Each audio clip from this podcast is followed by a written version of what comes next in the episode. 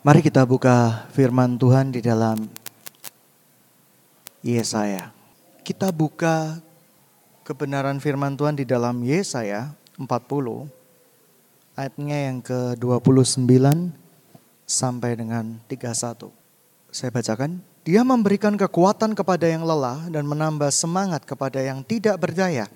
Orang-orang muda menjadi lelah dan lesu dan taruna-taruna jatuh tersandung. Tetapi orang-orang yang menanti-nantikan Tuhan mendapat kekuatan baru. Mereka seumpama Raja Wali yang naik terbang dengan kekuatan sayapnya. Mereka berlari dan tidak menjadi lesu, dan mereka berjalan dan tidak menjadi lelah. Beberapa hari ini saya berpikir, apa yang membedakan generasi kita dengan generasi yang terdahulu. Apa yang membedakan generasi kita dengan generasi tahun-tahun di mana Tuhan melawat umatnya dengan dahsyatnya. Ada beberapa hal yang terus terang menjadi pergumulan saya.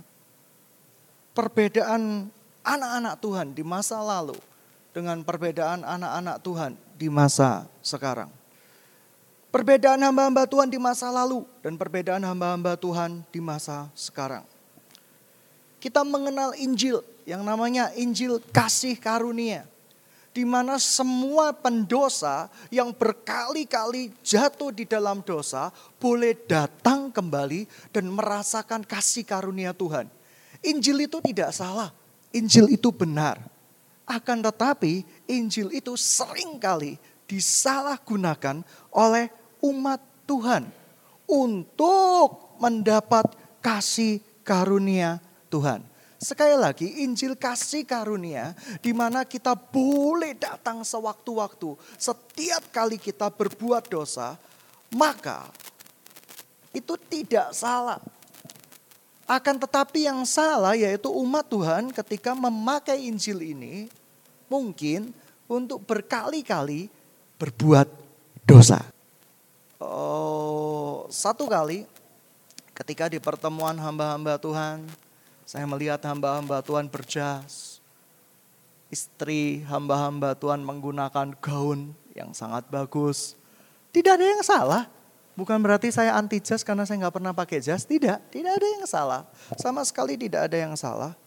Tetapi satu ketika, ketika di dalam pertemuan itu roh Tuhan membawa saya untuk membandingkan generasi yang lalu dengan generasi yang sekarang. Saya dapat benar merasakan hati Tuhan begitu sakit. Kalau generasi dulu hamba-hamba Tuhannya yaitu memberikan segalanya untuk Kristus. Tetapi hamba-hamba Tuhan masa kini memang tidak semuanya, tetapi ada sebagian. Saya tidak bisa berbicara kuali, kuantitasnya berapa, yaitu mengatakan segala-galanya untuk Tuhan, tetapi Tuhan bukan segala-galanya bagi mereka. Ketika di pertemuan hamba-hamba Tuhan kelas atas dengan menggunakan wine, dengan menggunakan eh, hal-hal uh, tertentu, kita berbicara tentang berkat Tuhan, kita berbicara tentang uh, janji Tuhan, kelihatannya elegan kelihatannya bagus. Tetapi apakah Tuhan ada di sana dan Tuhan berkenan di sana? Saya tidak sedang mencoba untuk menghakimi, tetapi pada kenyataannya ketika kita membandingkan dengan hamba-hamba Tuhan yang masa lalu, ada sesuatu yang salah di generasi ini yang harus diperbaiki. Sebab kalau tidak kita akan masuk ke dalam sebuah api api yang asing, api yang lain. Saya kaget sering kali ketika suami istri berseteru. Suami menggunakan ayat andalan. Hai istri-istri. gitu ya. Adalah baik bagi kamu kalau kamu taat kepada suamimu. Karena itu adalah kehendak Tuhan. Ini orang bodoh ini. Enggak baca ayat sebelum dan sesudahnya. Tetapi yang dikatakan taat kepada suamimu itu suami di dalam Tuhan. Siapa yang perlu direspeki yaitu suami di dalam Tuhan. Bukan berarti kalau kamu punya suami tidak di dalam Tuhan, kamu tidak perlu respekin dia. Itu kata pendeta saya. Bukan maksud saya, Anda tetap wajib menghormati dia, akan tetapi Anda tidak boleh taat terhadap kata-katanya. Sebab suami yang tidak tinggal di dalam Tuhan, kata-katanya ini bukanlah kata-kata dari Tuhan. Sebenarnya ayat itu menceritakan kalau ini suami tinggal di dalam Tuhan, maka Tuhan akan berkenan di dalam dia dan kalimat dia akan menjadi kalimatku juga. Tetapi perhatikan baik-baik suami yang tinggal di dalam Tuhan itu bukan berarti suami itu orang Kristen. Orang itu pelayanan. Tetapi suami yang betul-betul menjalankan perintah dan kehendak Tuhan. Dan ini yang sering kali disalahgunakan. Kembali ke pokok permasalahan. Hamba-hamba Tuhan sekarang di pertemuan meja makan makanan yang lesat. Oleh karena itu banyak yang meninggal muda. Menggunakan wine, menggunakan champagne dan yang lain-lain. Berbicara tentang berkat, berbicara tentang jiwa-jiwa. Dan roh Allah mengatakan kepada saya bagaimana kita bisa berbicara tentang berkat, bagaimana kita berbicara tentang jiwa-jiwa kalau kita tidak pernah mengerti penderitaan dari jiwa-jiwa tersebut. Seringkali kita mudah mengajak orang mengikut Yesus ketika kondisi kita sudah diberkati akan begitu mudah mengatakan kepada orang lain, "Ayo ikut Yesus." Kalau kondisi kita baik-baik saja. Sangat tidak mudah kalau kita sedang mengalami masalah, kita sedang mengalami perjuangan, kita sedang mengalami yang namanya lembah-lembah kemiskinan, kita mengajak orang untuk mengikut Yesus. Dan sering kali orang-orang Kristen masa kini berkata, kayalah terlebih dahulu supaya orang tahu bahwa kamu memiliki Tuhan yang memberkati kamu. Kelihatannya benar, tetapi banyak yang salah. Di dalam perenungan-perenungan saya, saya menemukan berbagai macam kejanggalan. Dan ini merupakan sebuah pola dari iblis untuk membuat sebuah Injil yang lain. Tetapi bukan Injil Kristus Yesus. Anda tahu pengertiannya? Kalau dahulu keras terhadap dosa. Sering kali ketika uh, ada orang yang komplain terhadap saya. Kok, kenapa Anda percaya banget bahwa vision kamu dan mimpi kamu selalu benar? Kenyataannya kan gitu. Enggak boleh kan, hamba Tuhan enggak boleh bilang kayak gitu. Harus rendah hati gitu ya. Ya bolehlah Nanti waktu yang akan membuktikan seperti itu. Sering kali saya berbicara seperti ini. Ada seseorang yang menyatakan, kok ini positif thinking, kenapa? Saya cuma berkata, saya nggak bisa positif thinking dengan orang yang betul-betul belum berubah di dalam Tuhan. Saya pernah cerita di mimbar ini, kalau nggak salah di mimbar uh, Panji Makmur. Bahwa sering kali ketika kita berhadapan dengan orang-orang punya kelainan psikologi, kita harus berpikir secara kelainan psikologi. Ada orang yang berkata, ada yang supaya apa ya supaya karena dia sering bermasalah dengan orang satu sama lain, dia berusaha untuk melarikan diri ke Amerika, ke China dan yang lain-lain. Tetapi saya sudah pernah bilang, dia tidak pernah melarikan diri ke luar negeri, dia bohong. Karena roh Allah yang mengatakan kepada saya, dia cuma pura-pura supaya orang lengah dan tidak menyadari keberadaannya di sekelilingnya dan menganggap dia bukan sebagai pengganggu lagi. Saya sudah katakan itu berulang-ulang. Karena apa? Karena kelainan. Ada pikiran psikologinya yang salah. Kita harus rubah pikiran yang salah itu. Dia harus mengalami kemerdekaan pikiran. Barulah kita belajar mempercayai dia. Orang yang tidak pernah mengalami kemerdekaan pikiran saya tidak akan bisa mempercayai orang-orang tersebut. Karena dia akan berusaha untuk memasuki orang lain supaya percaya kepada dia dari dusta kepada dusta. Sedangkan bapak dari segala dusta adalah iblis. Bisa nggak kita berdusta? Bisa, tapi kita segera sadar. Amin. Tapi orang yang tinggal di dalam iblis, dia berdusta dan dia tidak menyadarinya dan dia menutupi dusta dengan dusta. Anda mengerti maksud saya? Wah, hari-hari ini Tuhan memimpikan generasi jawaban doa yang sejati, yang sesungguhnya, yang real. Saya akan bahas bagaimana cara menjadi generasi jawaban doa yang sejati, yang real itu. Banyak sekali firman Tuhan yang sudah ditutupi di akhir zaman ini dan menjadi sebuah Injil yang lain, Injil yang asing, Injil yang sebenarnya bukan merupakan Injil. Seperti ini. Kalau anak-anak uh, saya punya anak cowok dan cewek. Anda punya anak cowok dan cewek. Atau orang tua Anda. Anda anak cowok dan anak cewek. Kalau menasehati anda berpacaran itu gimana? Hati-hati ya Nik ya. Hati-hati ya Nyo ya. Papi ndak mau loh ya kalau sampai dia hamil. Papi ndak mau loh ya kalau sampai kamu hamil.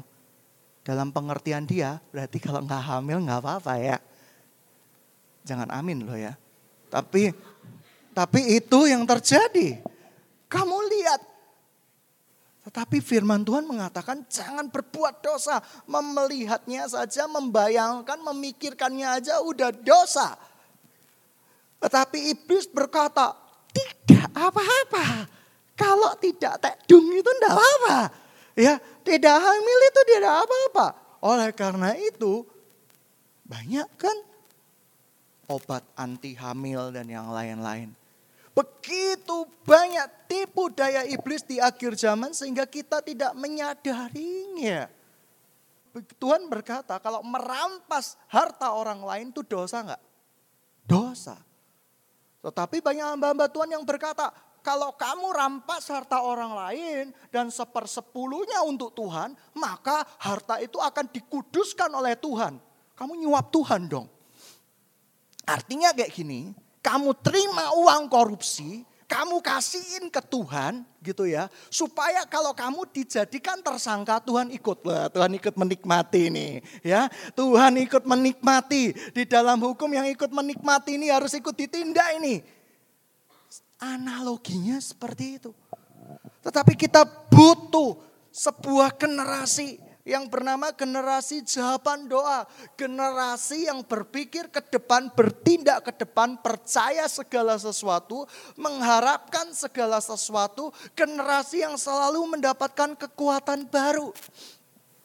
Saya kadang tanya sama Tuhan, Tuhan apa yang paling banyak didoakan oleh kaum muda di akhir zaman ini?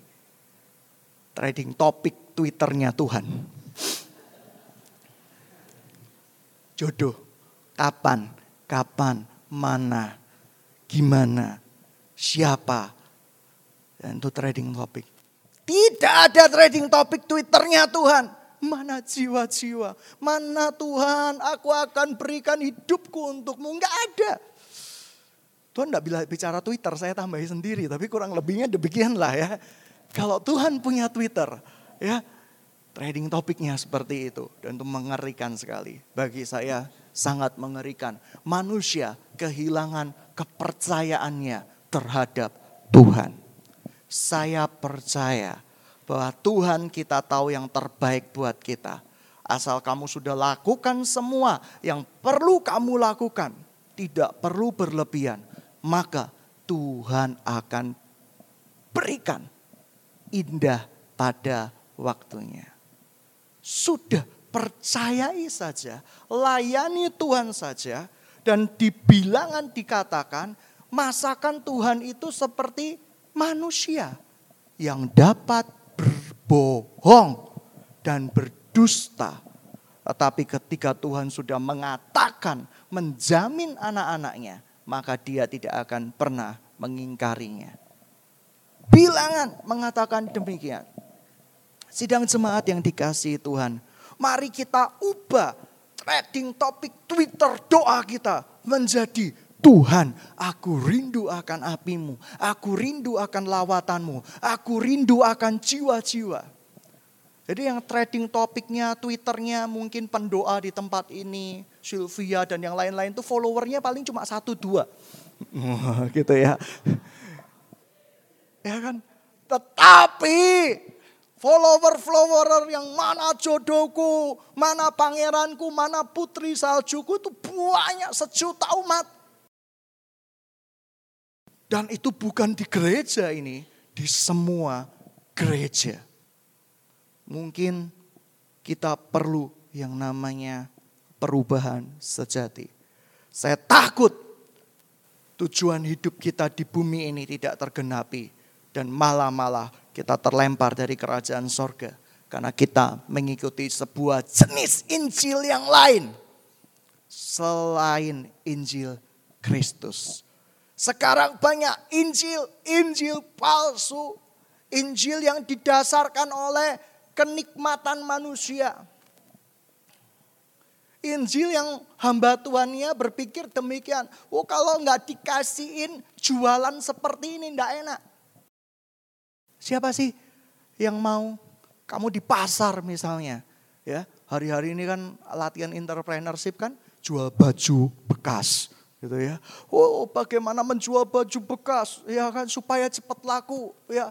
Harusnya harganya sepuluh ribu dapat tiga supaya cepat laku nih tujuh ambil ambil aja ambil aja ini entrepreneur sejati kan entrepreneur sejati. Nah uh, itu yang terjadi.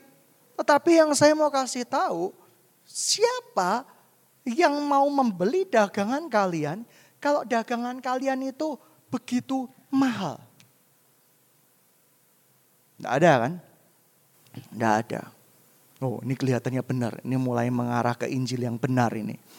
Hmm, tunggu dulu, iblis itu penipu. Ya, saya berusaha untuk memikirkan pola pikir iblis karena saya dulu pernah jadi mantan pengikutnya gitu ya. Setidaknya gua tahulah apa yang dia pikirkan untuk merekayasa sesuatu. Coba Anda di pasar dan Anda jualan seperti ini. Salib Kristus, salib Kristus. Anda harus pikul salib bersama Kristus. Maka akan masuk ke dalam kerajaan sorga. Di satu sisi ada penjual lain. Anda tidak usah pikul salib. Anda tidak usah semuanya. Asal terima Yesus saja Anda masuk ke dalam kerajaan sorga. Mudah banget. Benar, ada yang benar. Tapi ada yang dikurangi nih gitu ya. Sedangkan penjual yang lain berkata, wes toh masuk gereja ini. Saya jamin semuanya menjadi konglomerat. Uh gitu ya seperti itu. Oh di gereja yang lain berkata, masuk gereja ini semuanya pasti dapat jodoh. Ya, tidak perlu sejenis, tidak apa-apa. Ya. Beberapa waktu yang lalu teman anak rohani saya yang dari dari tempat lain dia menunjukkan BB-nya. Go. Pacarku kayak gini. Saya kaget, asik gitu ya, cakep banget gitu ya. Ini wanita apa cowok kok? Saya lihat sih, saya udah mulai curiga kalau dia berkata seperti itu. No comment. Ya kan, no comment. Dia lihatin. Hmm, gitu ya, ternyata dia seorang pria sejati. Wow, tapi cantiknya luar biasa. Dan saya kaget, wanita-wanita gereja ini, ada apa dengan kalian gitu ya. Ini betul-betul cantik sekali. Dia tidak modis tapi wajahnya betul-betul sangat feminim. Rambutnya panjang. ya. Terus saya diputerin lagi. Diputerin lagi. Ini serius diputerin di uh, di BB-nya. Lihat ini video. Wah dia menyanyikan sebuah lagu. Tiba-tiba di pertengahan perputaran lagu berubah suaranya jadi cowok. Uh, saya stres mendengarkan itu. Sedang semangat yang dikasih Tuhan, saya tidak perlu putarkan di sini. Mungkin Anda bisa lihat, saya nggak tahu sumbernya dia dapat dari mana. Tetapi saya agak kaget, itu semacam maybe mungkin kalau nggak Thailand Idol atau Vietnam Idol, kurang lebih demikian. Anda tahu di sana, ya saya nggak berani menghakimi, tapi pada kenyataannya demikianlah adanya, gitu ya. Jadi anak-anak cowok yang mau mencari jodoh di Vietnam atau Thailand, Anda harus doa syafaat kenceng-kenceng. Ketika Anda bawa jodohmu untuk diberkati di tempat ini, tiba-tiba dia kelepasan ngomong, saya bersedia. Bahaya sekali kan? Ya saya bersedia, saya percaya akan terjadi pingsan gitu ya. Atau malah cowoknya menjerit, yes ini yang gua mau gitu ya. Bisa ke kiri, bisa ke kanan gitu ya. Tidak melulu ke kiri gitu. Wah ini gimana gini, ini orang kelainan. Nah sidang semat yang dikasih Tuhan. Hari-hari ini banyak gereja yang mulai melegalkan lesbian. Banyak gereja yang mulai melegalkan homoseksual dengan sebuah kata-kata firman bahwa Tuhan mencintai semua umat manusia. Saya cuma mau katakan pada pagi hari ini Tuhan benci dengan semuanya itu dan upah dari dosa maut. Dan saya percaya anak-anak Tuhan sedang ada yang berjalan di dalam lembah maut.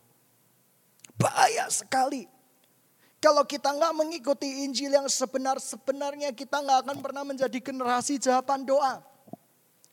Tetapi kita akan menjadi generasi yang didoakan. Di generasi atas kita. Tuhan, tolong Tuhan, kami nggak yakin dengan keselamatan generasi sebelum kami. Tolong Tuhan, tolong Tuhan. Tapi percuma, keselamatan yaitu tidak bisa terjadi setelah kita sudah meninggal. Semuanya sudah selesai. Dan berikutnya, saya akan bacakan kebenaran firman Tuhan berikutnya.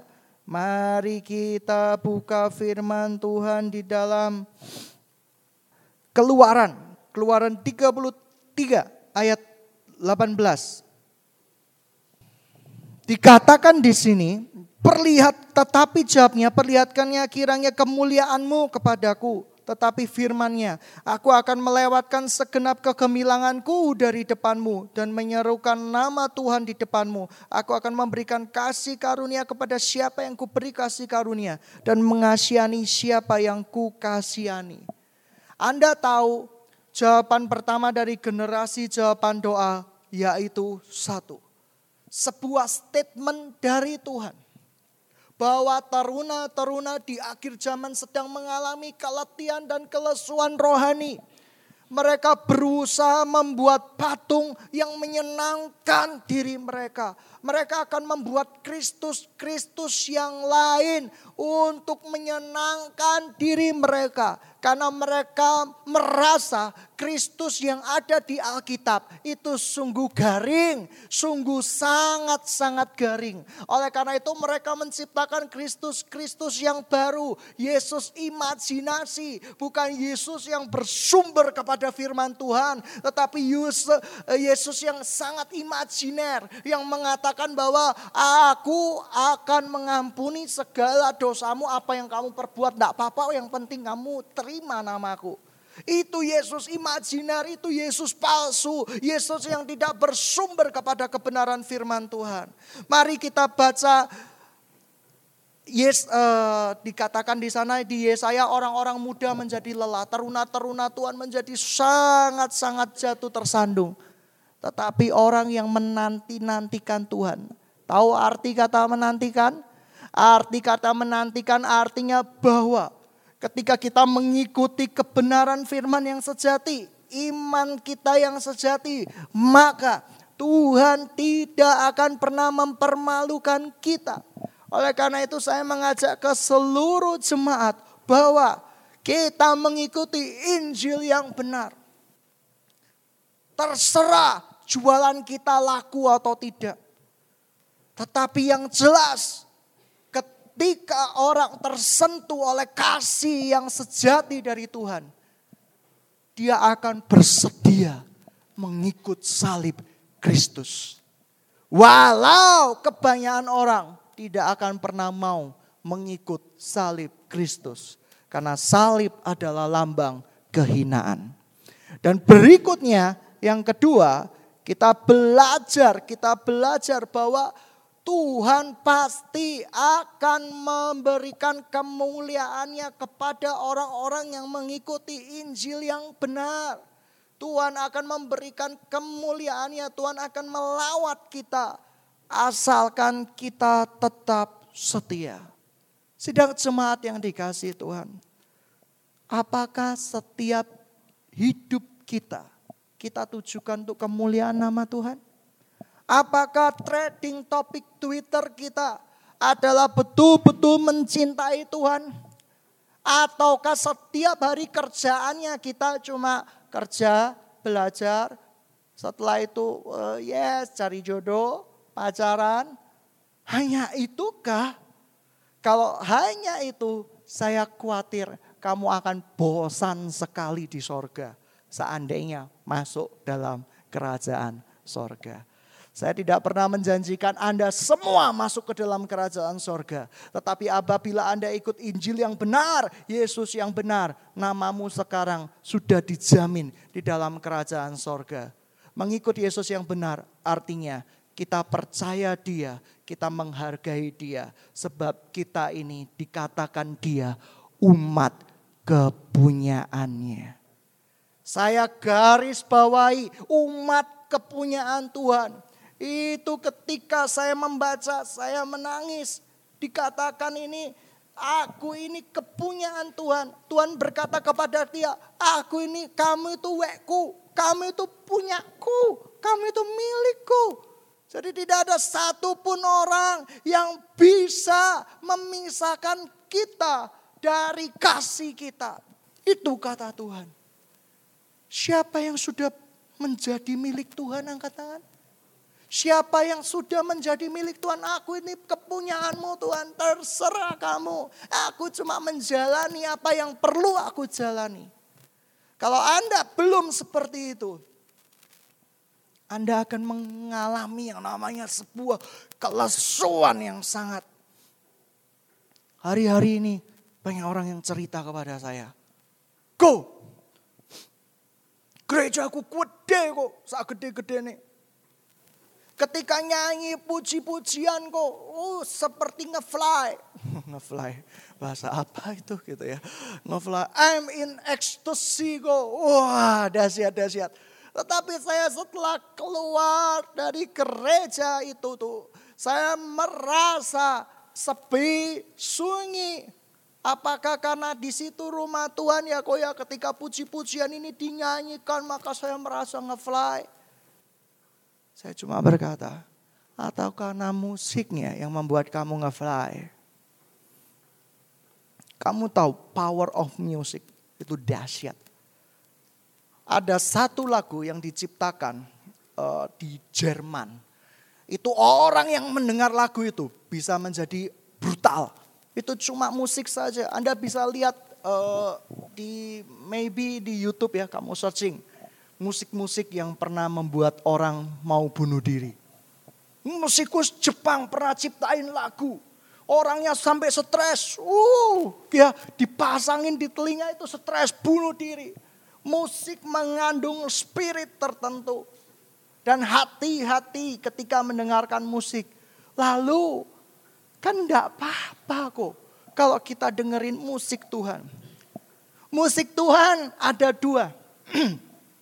Diciptakan karena inspirasi Roh Kudus atau diciptakan untuk kejar target setoran.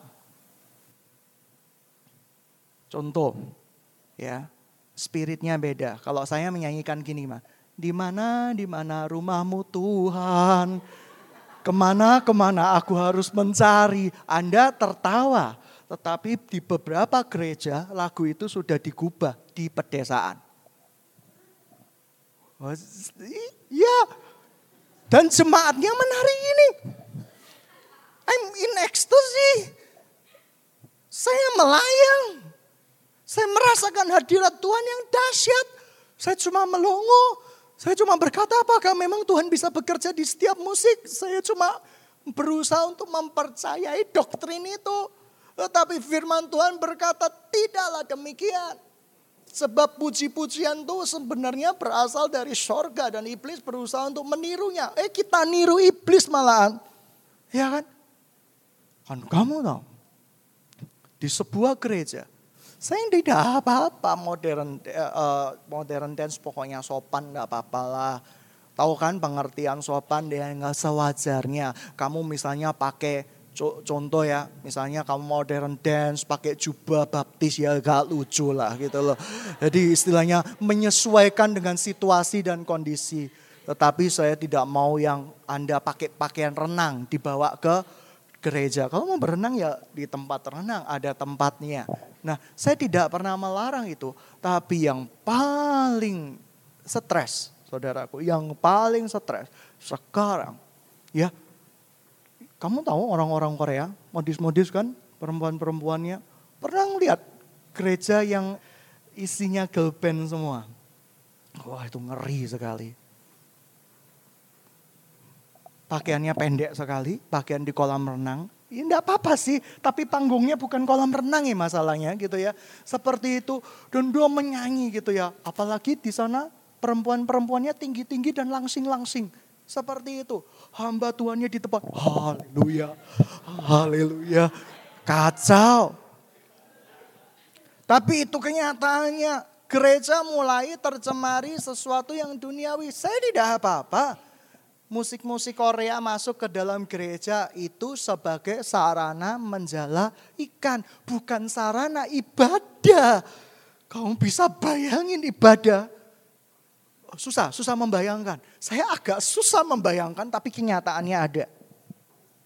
Pernah tahu dulu kalau di zaman gereja uh, kuno, gereja gereja mungkin gereja zaman-zaman dulu itu yang nyanyi kur itu pakai jubah ya kan? Pakai jubah uh, dengan suaranya. Sekarang tidak, diganti. Bayangkan penyanyi-penyanyi kol itu jadi girl band semua gitu ya. Wah dengan melenggak-lenggok kayak gini gitu ya. Dengan seperti ini. Wah jemaatnya banyak. Yang gitu-gitu banyak pasti jemaatnya. Anda tahu hadirat siapa yang muncul?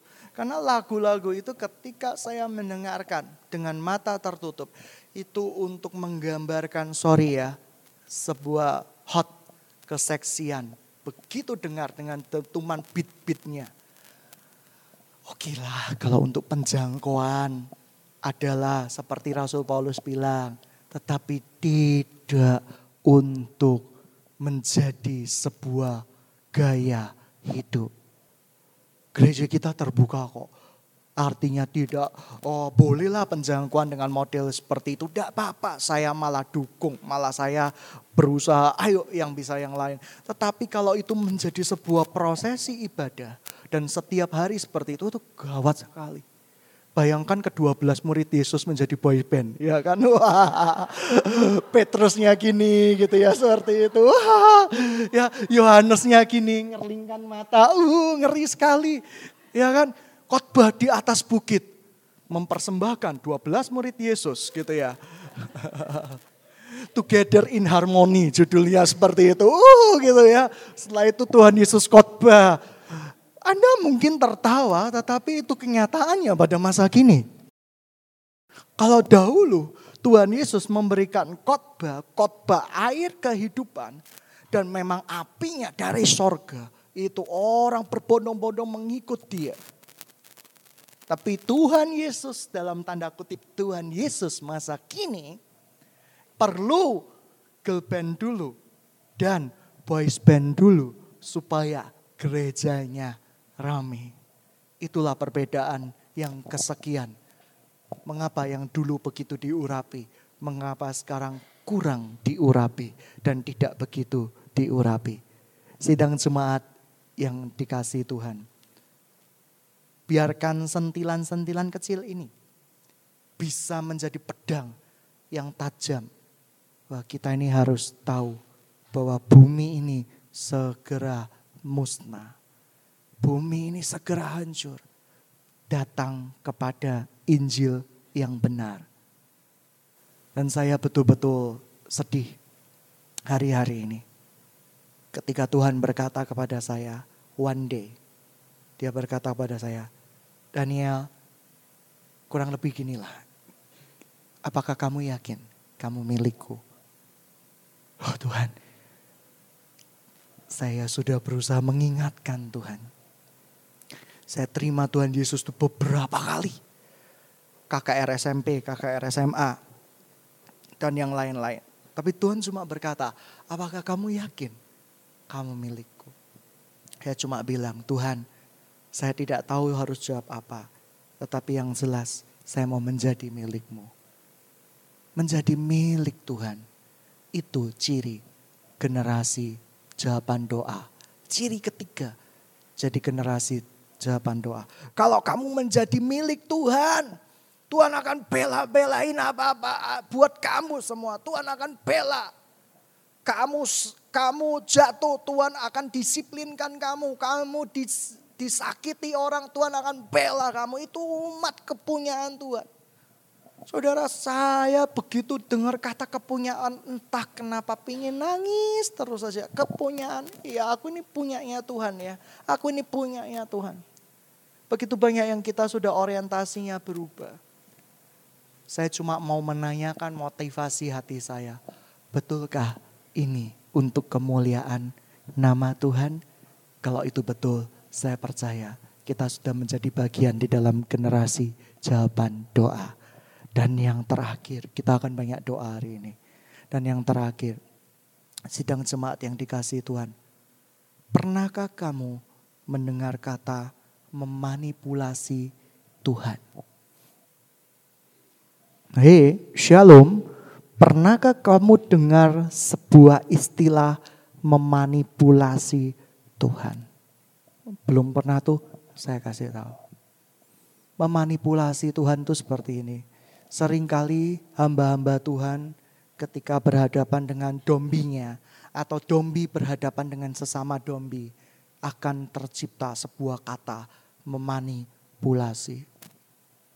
Contoh seperti ini Loh aku kan, aku ke sana kan juga untuk kemuliaan nama Tuhan. Aku kan bekerja ini supaya nama Tuhan dipermuliakan. Loh aku ini pacaran ini supaya orang itu bisa lihat. Gaya pacaranku itu indah dan orang itu akan menjadi followerku. Kelihatannya tidak ada yang salah dengan kata-kata itu. Tidak ada yang salah dengan kata-kata teman spesial. Ya, tetapi yang saya mau jelaskan sekarang, Jangan pernah kita memanipulasi Tuhan. Orang Israel sering memanipulasi Tuhan. Kita belajar berubah dan kita belajar terima perubahan. Sidang jemaat yang dikasih Tuhan, jangan pernah pakai baju yang lama. Putri-putri, belajar terima. Ya kan? Masa universitas sudah berakhir. Jangan pakaian yang lama tetap dipakai kalau gak binaragawati gitu ya seperti itu. Kamu ngerti? Saya ngelihat uh, ininya kecil sekali. Karena ini berotot, gede gitu ya. Iya pakai pakaian yang agak longgar lah dikit gitu ya. Supaya apa? Supaya nyaman dilihat gitu ya. Seperti saya tahu kan banyak orang yang seperti itu berkata demikian kok kita harus pakai pakaian kecil supaya mengejar badan kecil itu. Kalau kita pakaian-pakaian besar nanti kelangsungan. Ya apa pun lah gitu ya. Apa pun. Tapi bagi saya pribadi kita harus mengalami, ini analogi, ini bukan firman Tuhan. Ini analogi dengan firman Tuhan. Kalau orang yang polos-polos dengar gitu ya, ini perintah Tuhan. Ini bukan, ini analogi. Tahu nggak analogi? Menceritakan kehidupan sehari-hari supaya kamu mudeng dengan firman Tuhan. Analoginya, kamu harus menerima pakaian dan jubah yang baru. Kapasitasmu harus diperbesar. Amin. Amin sidang jemaat yang dikasih Tuhan. Bagaimana kamu bisa memenangkan jiwa. Kalau ada jiwa-jiwa baru yang datang dan kamu punya karakter pemarah. Cepetan titi toh jalane. Ayo, kok gereja lambat-lambat gitu ya. Oh, saya percaya jiwa-jiwa baru itu akan takut sekali. Kalau karaktermu buruk gitu ya, karaktermu buruk ya. kamu suka sekali misalnya berkata-kata kebun binatang. Saya khawatir jiwa-jiwa baru itu akan memikirkan yang berbeda tentang Tuhan kita. Berubah, berubah. Lalu bagaimana cara merubah karakter? Kamu tahu, sebuah mimpi tadi malam dikatakan the blood. Saya mimpi kurang lebih jam 3 pagi. Saya memang sering dapat mimpi. Di situ ada sebuah tulisan tulisan darah di gereja kita. The blood covenant. Apa itu Tuhan? Perjanjian darah. Apa itu Tuhan? Haruskah saya menggigit tangan saya dan menorehkan darah di sini dan kalian menorehkan darah kan kita minum sama-sama dan kita menjadi gereja sesat? Apa itu perjanjian darah? Mengapa Tuhan sangat menghargai dengan darah Kain dan Habil? Mengapa Kain yang di, uh, Habil yang dihabisi oleh Kain itu darahnya bisa berteriak? Darah itu mengandung nyawa. Mengandung nyawa, mengandung sesuatu. Tetapi saya ceritakan sebuah cerita yang terakhir. Anda tahu orang yang transplantasi organ Pernah dengar kejadian enggak? Ketika organ ini diambil dari China, ini serius, dari China, matanya dia cangkok kornea mata, dia ini anak Tuhan. Cinta Tuhan, begitu dicangkok kornea, dia bisa melihat lagi. Tapi pikirannya jadi pikiran jahat, matanya jadi jahat, matanya jelalatan, suka lihat sesama jenis. Dia kaget sekali. Mungkin Anda pernah dengar berita-berita seperti itu, itu memang betul. Ada yang dicangkok ginjalnya, berasal dari ginjal penjahat. Tiba-tiba karakternya berubah. Berubah sekali. Saya juga nggak ngerti kenapa. Kata-kata cangkok. Perhatikan kata-kata cangkok. Ya. Tapi Tuhan berkata, itulah perjanjian darah. Sudahkah kita dicangkok di pokok anggur yang benar? Kata-kata cangkok itu gini, sidang jemaat yang dikasih Tuhan. Pernah ada satu anak ya umur remaja, remaja putri. Dia kasih donor darah kepada pria yang membunuh ayah dan ibunya. Ini remaja putri yang hmm, hebat. Saya nggak yakin gitu ya kalau itu terjadi pada kita, kita bisa melakukannya. Saya sangat tidak yakin. Tapi begitu perampok itu, pembunuh itu mendapat darah dari remaja putri ini. Berubah. Cara pikirnya berubah. Hidupnya berubah. saya nggak ngerti. Cuma ketika saya lihat di mimpi saya the blood covenant. Mimpi saya sebenarnya agak aneh kemarin malam. Mimpi ke apa ya ada pencurian mobil dan yang lain-lain. Mungkin habis baca surat kabar ya. Jadi terbawa mimpi. Terus tiba-tiba di mimpi itu ada slideshow. Tahu nggak slideshow? Tiba-tiba mimpinya pending. Lucu sekali. Tapi itu yang terjadi. Kenyataannya demikian. Dan tiba-tiba saya melihat gereja kita. The Blood Covenant. Itu cuma beberapa detik dan tiba-tiba berhenti mimpinya dan dilanjutkan lagi. Seperti iklan. Saya cuma agak kamu kasih iklan kah di mimpiku gitu ya seperti itu. Tetapi dari iklan itu saya mencari Tuhan apa pengertiannya dan Tuhan kasih tahu. Kamu tahu nggak orang yang pernah cangkok seperti ini? Iya betul. Jadi sidang jemaat Tuhan. Hati-hati kalau saudara kalian mau mengalami cangkok, lihat bibit bebot, bobot bebetnya. Ya, yang dicangkok itu siapa? Jangan-jangan yang dicangkok itu seorang gay. Wah bahaya banget gitu ya. Tapi saya kaget. Ternyata Firman Tuhan mengatakan ketika Kain dibunuh oleh Habel. Ya, Kain dibunuh oleh Habel. Maka ya kan? Benar nggak? Ya wes, Habel dibunuh oleh Kain. Bagi orang yang nggak pernah membaca firman Tuhan, cuma diem aja dan berkata, Amin. Siapa sih? Gitu ya. Siapa sih dua orang itu? Siapa sih dua makhluk itu? Saya ceritakan ya. Ini seorang kakak beradik yang saling iri hati. Eh yang tidak saling iri hati. Yang kakaknya iri dengan persembahan adiknya. Akhirnya adiknya dibunuh. Seret. Dan akhirnya keluar uh, yang namanya darah. Dan akhirnya darah itu mengadu kepada Tuhan. Dan kamu tahu, darah itu ternyata berisi nyawa, proses kehidupan, dan berisi DNA yang paling banyak. Kamu kepingin DNA kamu dirubah. Kamu harus dicangkokkan oleh kepokok anggur yang benar. Artinya saya berdoa kamu malam ini ditransfusi darah. Eh jangan, jangan pikiran yang jelek dulu kecelakaan atau apa-apa ya. Ditransfusi darah oleh Tuhan Yesus. Ada seseorang yang pernah bermimpi, saya pikir orang itu guyonan gitu ya. Anak biasa kan, kalau saya beberapa tahun yang lalu ya, sekitar 8 tahun yang lalu saya khotbah di luar kota dan ada anak SMP berkata, saya pikir anak itu mencari sensasi. saya teringat kembali, kak saya kemarin mimpi ya. Mimpi indah. Kenapa? Saya kecelakaan, saya berlumuran darah, saya hampir mati, koma, dan mau masuk neraka. Tiba-tiba Tuhan Yesus datang. Mimpinya aneh, saya nggak percaya, tapi kemarin saya sadar bahwa anak itu betul. Dia mimpi apa yang terjadi? Dia dibaringkan di padang rumput yang hijau dan dia dilayani oleh dua malaikat. Dua malaikatnya mengambil selang infus. Saya kaget sekali, saya udah ini mulai ngawur ini mimpinya. Masa ada Tuhan seperti itu. Tapi Allah kita Allah kreatif. Amin. Tuhan yang dahsyat. Diinfuskan di sana ini udah kolaps, udah megap-megap, udah mau mati. Itu ya seperti itu. Darahnya udah tercemar, teracuni. Lalu apa yang terjadi? Darahnya dibuang.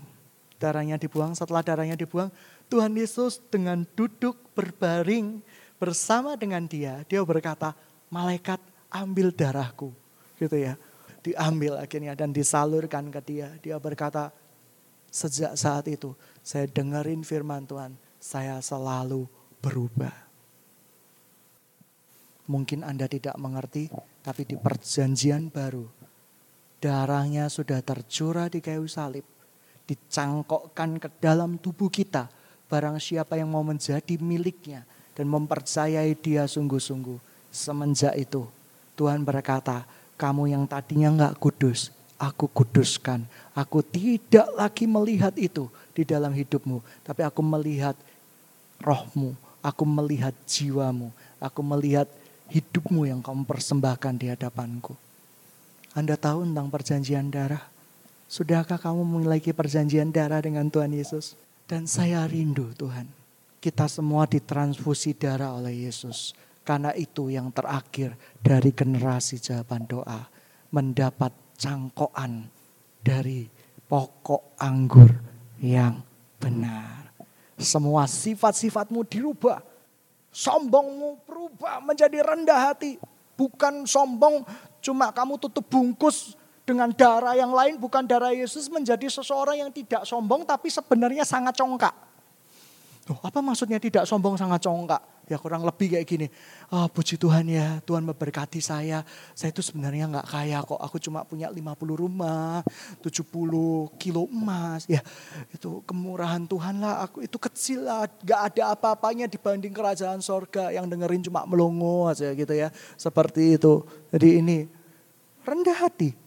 Tapi lebih congkak daripada yang semula. Sidang jemaat yang dikasih Tuhan. Sudahkah kamu ditransfusi darah sama Tuhan Yesus? Kayak belum minta, ya minta.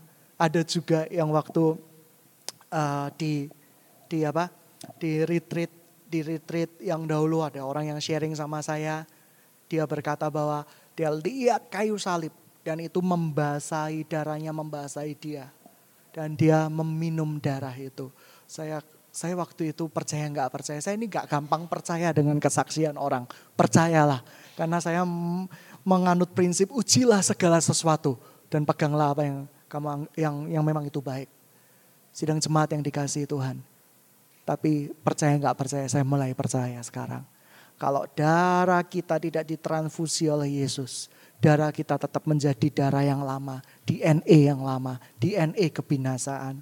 Sudahkah engkau tujuannya menerima tubuh dan darah Yesus itu bukan seremonial, tetapi darahmu sudah terculah buat aku, sudah tercangkokkan buat aku, dan sudah terinfuskan buat aku, supaya aku menjadi baru.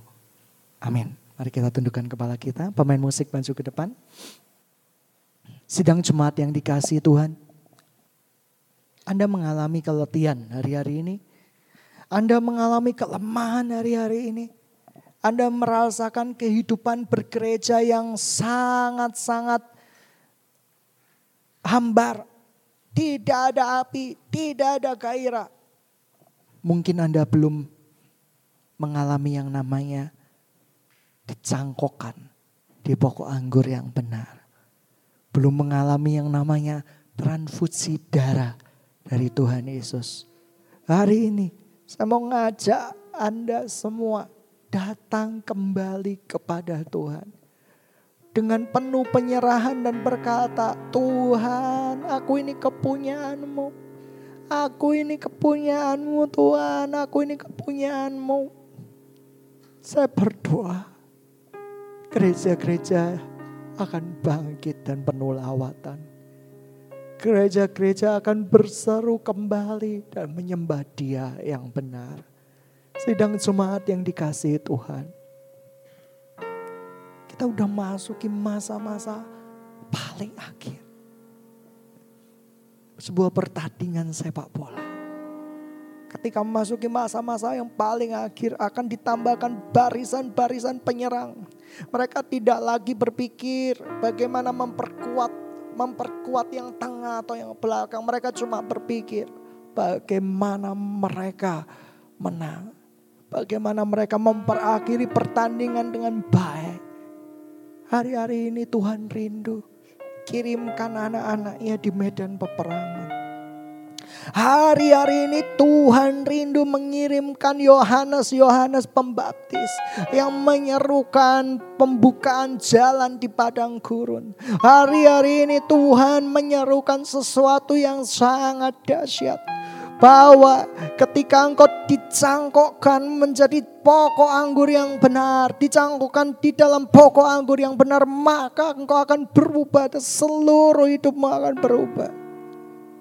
Anda belum mengalami perubahan karena Anda belum dicangkokkan atau Anda belum mau dicangkokkan dengan pokok anggur yang benar. Mungkin Anda begitu curiga sama Tuhan. Seakan-akan mengatakan, God mana janjimu? Kita bukan generasi yang mempertanyakan janji Tuhan. Kita generasi yang akan mengalami lawatan. Kita yang akan menjalani janji-janji Tuhan itu. Tuhan bukanlah pembohong di dalam bilangan. Dia tidak mungkin berdusta. Manusia bisa berdusta. Tuhan tidak mungkin berdusta.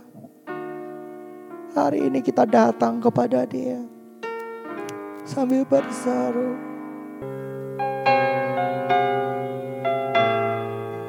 Sampai semuanya berakhir. Kami akan memujimu Sampai nafas ini meninggalkan tubuhku, aku akan tetap memujimu. Sampai jiwaku habis, aku tetap memuliakanmu. Dan aku ingin mengatakan kepadamu, sampai selama-lamanya kami milikmu sampai selama-lamanya kami milikmu.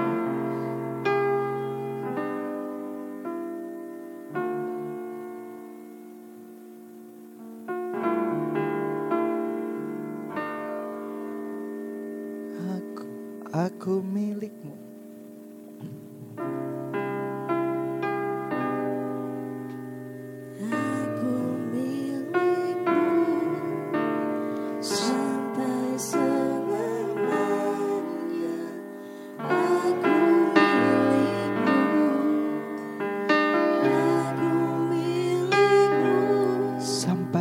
Semuanya sampai semuanya berakhir, aku akan tetap mengatakan, aku milikmu. Seandainya jiwa ini tidak ada lagi Tuhan, sampai semuanya berakhir, aku ingin mengatakan kepadamu Tuhan, bahwa kami milikmu, kami umat kepunyaanmu, dan tidak ada yang dapat menggoyahkan kami dari kasihmu. Sekali lagi, siapa yang mau berkata hari ini aku milikmu Tuhan?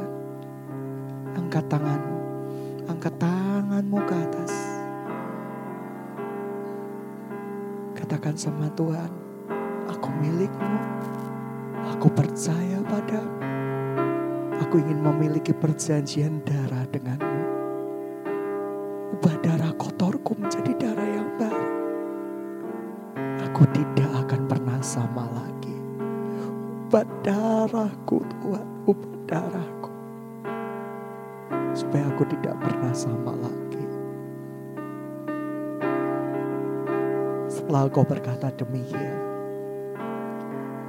saya percaya darah itu akan berteriak di dalam hidupmu, mengingatkanmu, merubahmu. Dan sampai akhirnya DNA lamamu digantikan menjadi DNA-nya. DNA yang selalu bersuka cita. DNA yang selalu berkata kepada teman-temannya, kamu sedang ada di dalam kebinasaan. Ayo ikutlah Tuhan. DNA yang akan membuat hidupmu maksimal.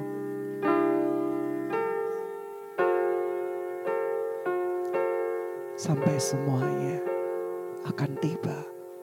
Aku akan tetap berkata kepadamu, kami ini milikmu. Terima kasih Tuhan. Terima kasih. Perjanjian darahmu dimulai sekarang juga. Mereka bangkit. Ubah karakter kami. Ubah hidup kami. Supaya semakin lama semakin serupa denganmu. Bukan kekuatan kami. Bukan karena kekuatan kami.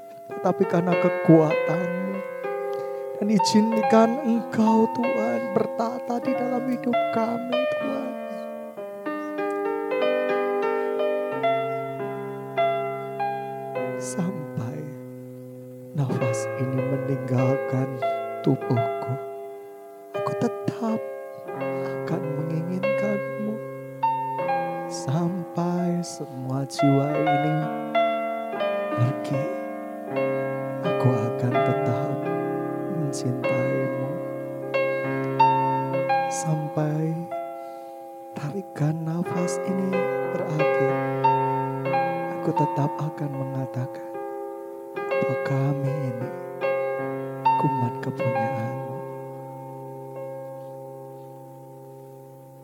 Terima kasih Tuhan.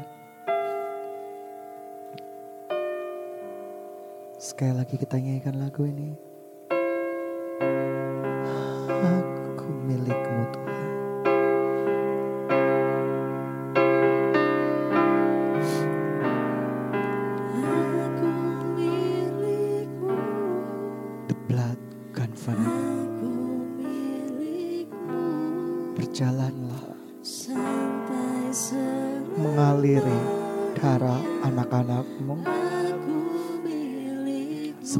Perjanjian yang berkata,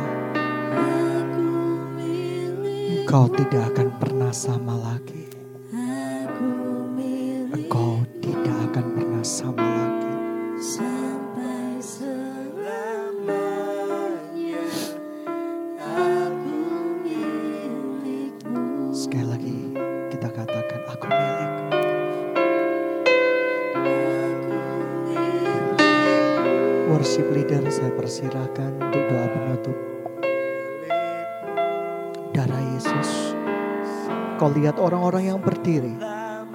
Duduk dan berdiri.